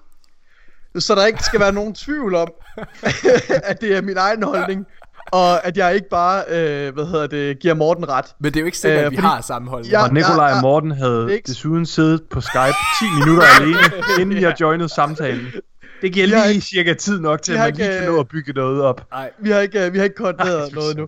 Må, Okay. må jeg få lov at starte på det? Må jeg starte Ja, nu? jeg er meget Ja. jeg er vi ivrig, har jeg er ivrig efter at tage hul på det. Og så kører Jeg- jeg efter. jeg, jeg har valgt at svare på det her i forhold til, jeg har kigget efter, er der et, et problem, som er, er gennemgående, som har været ved Bungie siden Destinys start. Og jeg synes, at der er flere problemer, man kunne have sat fingeren på, men som de har formået at løse nu, føler jeg. Øh, kommunikation er for eksempel et af de problemer, som synes, de har løst. Og jeg, øh, jeg har stået med to, jeg har haft to, øh, to svar, øh, og de ligger meget, meget tæt på hinanden, og jeg vil godt have lov at vælge det, det, det svar, som jeg ikke, ikke når på min liste, vil jeg gerne have lov at fortælle som, øh, som en, en honorable mention. Øh, men jeg har sat, at det, det største problem for Bungie i forhold til Destiny, øh, udviklingen af Destiny, det er, at Bungie ikke kan fortælle en sammenhængende historie, øh, som, som driver plottet fremad. Altså et, et overordnet plot, som, som driver historien fremad. Øh, og som har, øh, som har character development, og som udgør en rød tråd igennem de forskellige releases, og giver noget struktur til vores rejse. Så det er hele undskyldningen for, hvorfor vi spiller. Og jeg tror i virkeligheden, at det er det aspekt af Destiny, som betyder mest for mig. Øh, og nu må vi se, om de kan rette op på det med den her sæson her. Altså jeg vil sige, det, det ser... Ej, jeg, jeg, jeg vil ikke sige, at det ser lovende ud, fordi vi har fået en god historie med, med Season of Dawn, men om den her historie er, er en historie, der kan udvikle sig og, og kan være en rød tråd igennem flere expansions, det, det ved vi ikke endnu. Nej, godt. Mm. Det er mit svar. Morten, lad os bare høre din. Jamen, jeg har ikke det samme svar som Nikolaj. Okay, oh, Nå. okay. Der er, okay. okay. slet ikke nogen, der var slet ikke nogen grund til, at vi sad og byggede det her op. Uh, Mika, du tager den nu så. They bought it. Ej, hvad hedder det? Um, okay, mit svar, det er, øh, at Bungies største problem, det er broen mellem kvalitet og kvantitet. Jeg synes øh, altid, det har været et underliggende problem fra Bungies side af. På den ene side, så har de givet os noget mega fedt, og jeg synes specielt Season of Dawn er et rigtig godt eksempel. Vi får noget mega fedt kvalitets-content, mega fed storyline, men der er ikke nok. Øhm, og, og når jeg sådan kigger tilbage på Destinys levetid, så har det altid været stopklodsen for mig. Enten så har der simpelthen været for meget at lave, grinden har været for stor, og den har bare ikke været kvalitativ. Eller også, så har der været noget mega fedt content, og jeg vil mega gerne have mere af det, men der har bare ikke været nok. Og det synes jeg altid, det har været sådan en, en et, et pendul, pen, jeg ved ikke engang, hvad ordet hedder, pendulum for Bungie, ikke? hvor de har svinget fra den ene side til den anden, og kommet med, med, med, med for meget af en ting, som egentlig ikke var fedt, og så f- for lidt af en ting, som var rigtig godt. Jeg vil sige, sådan har det selvfølgelig ikke altid været. Nogle gange så nailer Bungie den perfekt, så kommer der noget content, hvor der er tilstrækkeligt nok af det, og det er kvalitativt nok. Men jeg siger bare, hvis Bungie virkelig kunne nail den, så tror jeg, at Bungie ville stå meget stærkere i fremtiden, og jeg tror, deres content ville altså være cementeret for altid. Ja. Ja. Det er mit jeg svar. skynde mig, øh, jeg vil skynde mig at tage min, inden at øh, Nikolaj han øh, nævner hans honorable, men, honorable mention, i, i, i tilfælde af, at det så er, er det, jeg vil sige. Fordi, fordi Nikolaj, jeg var meget tæt på. at tage- tage det der med Åh, oh, nej. så det kunne lige så godt have været det, jeg havde sagt. Hvor jeg, nej, jeg synes faktisk, jeg synes, jeg, da jeg sad og stillede spørgsmålet, så tænkte jeg al- altså igen, jamen hvad er Bungies største problem? Så kigger jeg meget på, jamen hvad er det, vi, hvad, hvad er det, der er katalysatoren for de problemer, vi står i nu for eksempel? Og derfor så er mit svar på, hvad Bungies største problem er, det er, at hver Comet expansion eller hver release er en soft reboot af Destiny. Fordi hver enkelt sommer, så sidder de og ændrer på hele økonomisystemet og måden, at vi, altså vores Guardian og universet fungerer. Og det betyder faktisk, at et helt år igennem, der skal de bruge tid på at opbygge det system og gøre det bedre, i stedet for bare at tage det, der allerede eksisterer, og så bare gøre det bedre og bygge oven på det, og så lave en masse fedt content til det. Men i stedet for, så skal de hver gang til at starte forfra og lave noget nyt. I stedet for bare at gøre Forges federe, så går vi ud og laver noget nyt. Eller lave Menagerie federe, men så går vi ud og laver Sundial og Vex Offensive. Altså bare, gør det nu bare federe, det der allerede ligger der. Det er mit svar. Det er min honorable mention. det er, at de ikke kan formå at holde øh, gammel content relevant og holde det mm. til en del af, af vores content cycle. Det er også mit honorable mention. ja. Nej, for helvede. Gud. Det falder jo meget tilbage til det, vi snakkede om sidste uge, hvor vi lavede øh, den der top 3 liste, ikke? Og Jo. med ting, vi ville ønske for Destiny, hvor vi alle tre var enige om, prøv at høre, Bungie gør ikke brug nok af de fantastiske assets, de har lavet tidligere. Øhm, og der mangler et underliggende system, som hænger ved. Ja. Øhm, ja. Ja. Øh, grund, til, grund til, at jeg ikke hæftede mig specifikt ved det her med, at de genopfinder økonomien, er fordi jeg føler, jeg tror, at den økonomi, de har indført nu, øh, holder ved. Altså, jeg tror, Armor 2.0, ja, ja, Jeg tør ikke sige Det Åh. tror jeg ikke, du skal regne Ja, med. ja, nej. Åh, jeg håber, jeg er sat med. Det er rigtigt nok, det er fandme... Jeg Øh, hører- den kom, prøv at høre, jeg kan allerede sige nu, den kommer ikke til at hænge ved, fordi communityet er ikke lige så tilfreds med det, som Bungie gerne vil have. Nu sad jeg og lyttede til, øh, til Fireteam Chat i, i den her uge, ikke også? Øh, og jeg synes, øh, som ofte, det, når jeg sidder og lytter, det, hvad hedder det, så, så sidder jeg og tænker, I har, I har helt galt på den. I, helt, I har slet ikke fat på den det rigtige sted.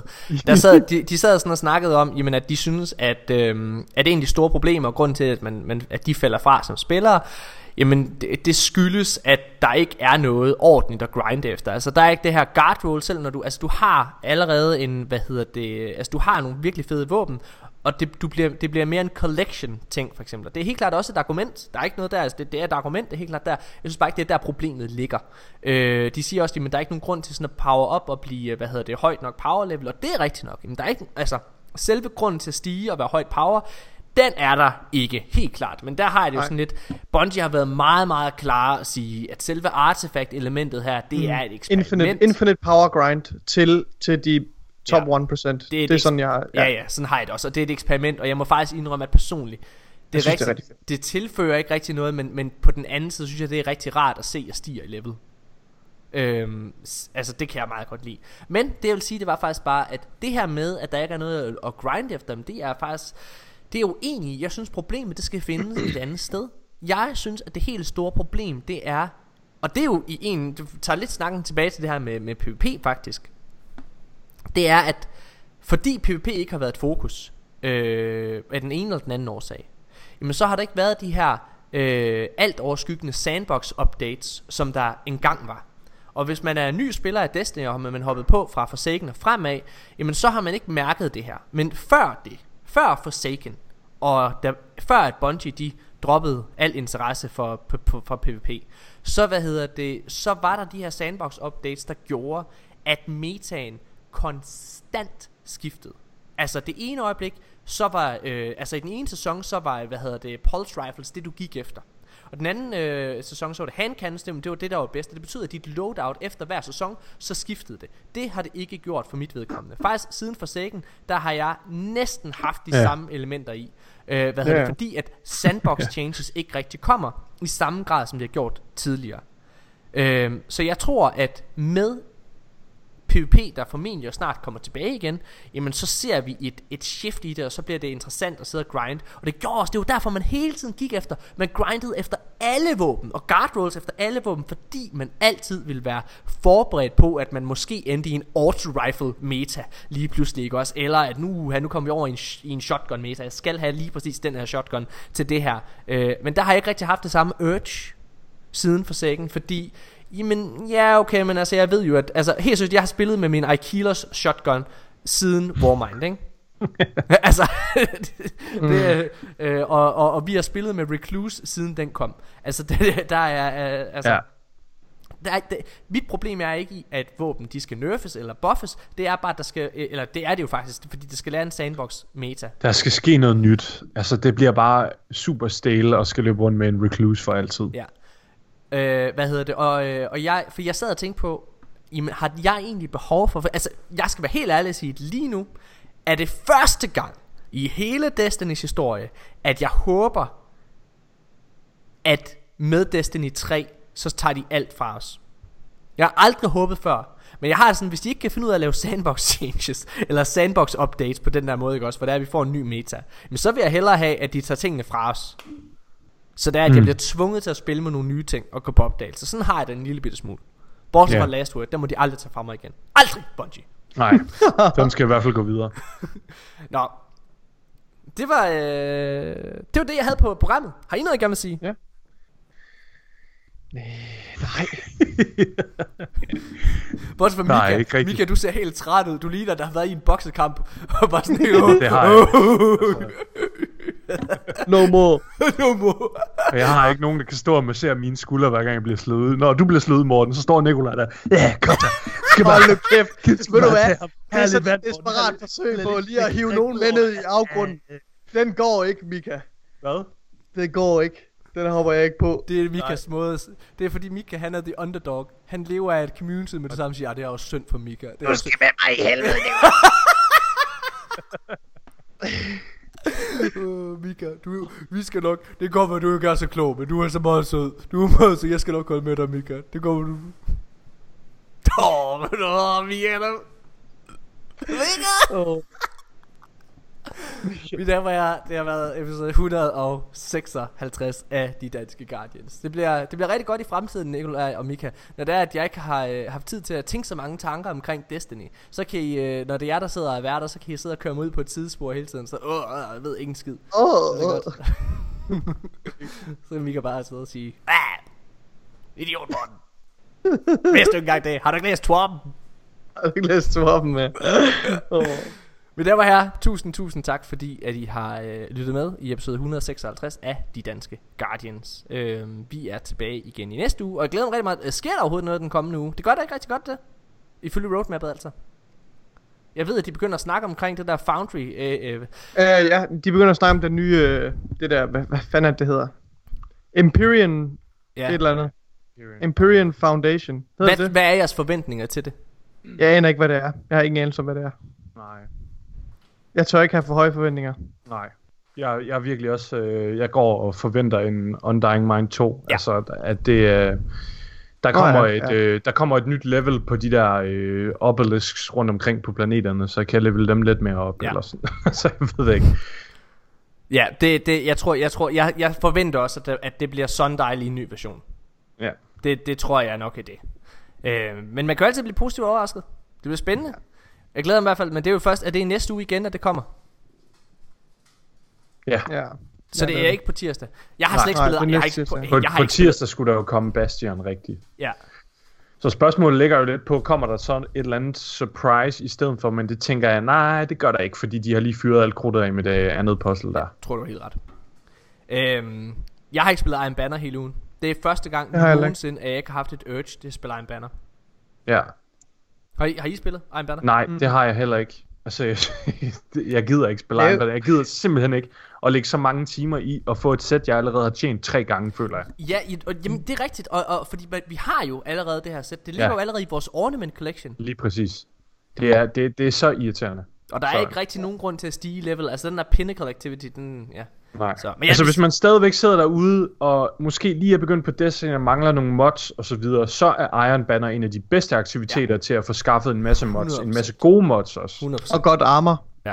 Ja, og godt armor, der er rigtig gode stat rolls og så videre, Ja, men, men som nogen, der har investeret rigtig mange timer i Destiny, sådan generelt de sidste mange år, men også specielt siden Shadowkeep, hvor de kom med Armor 2.0, så har man efterhånden tilegnet sig de fleste mods og et okay godt gearset. Så Ja jeg tror, det er der meget community, de ligger omkring Iron Banner. 100%. Mine damer og herrer, tusind tak fordi I lyttede med i episode 156. Vi er tilbage igen næste uge, og øh, det glæder mig til. Hej hej.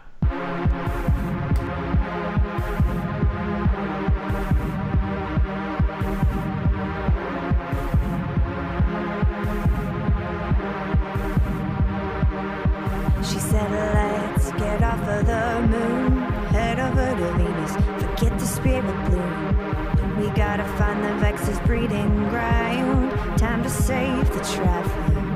Need to stop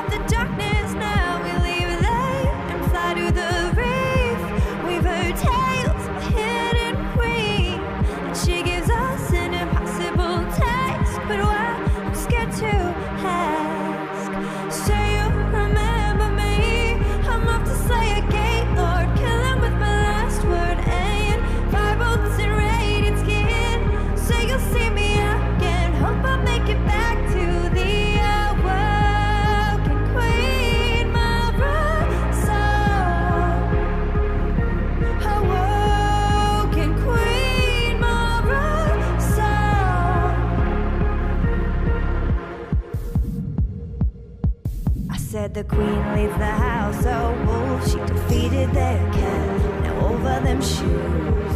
But watch out for that soulless guy. He killed someone. We've gotta hunt him down now. He's so tall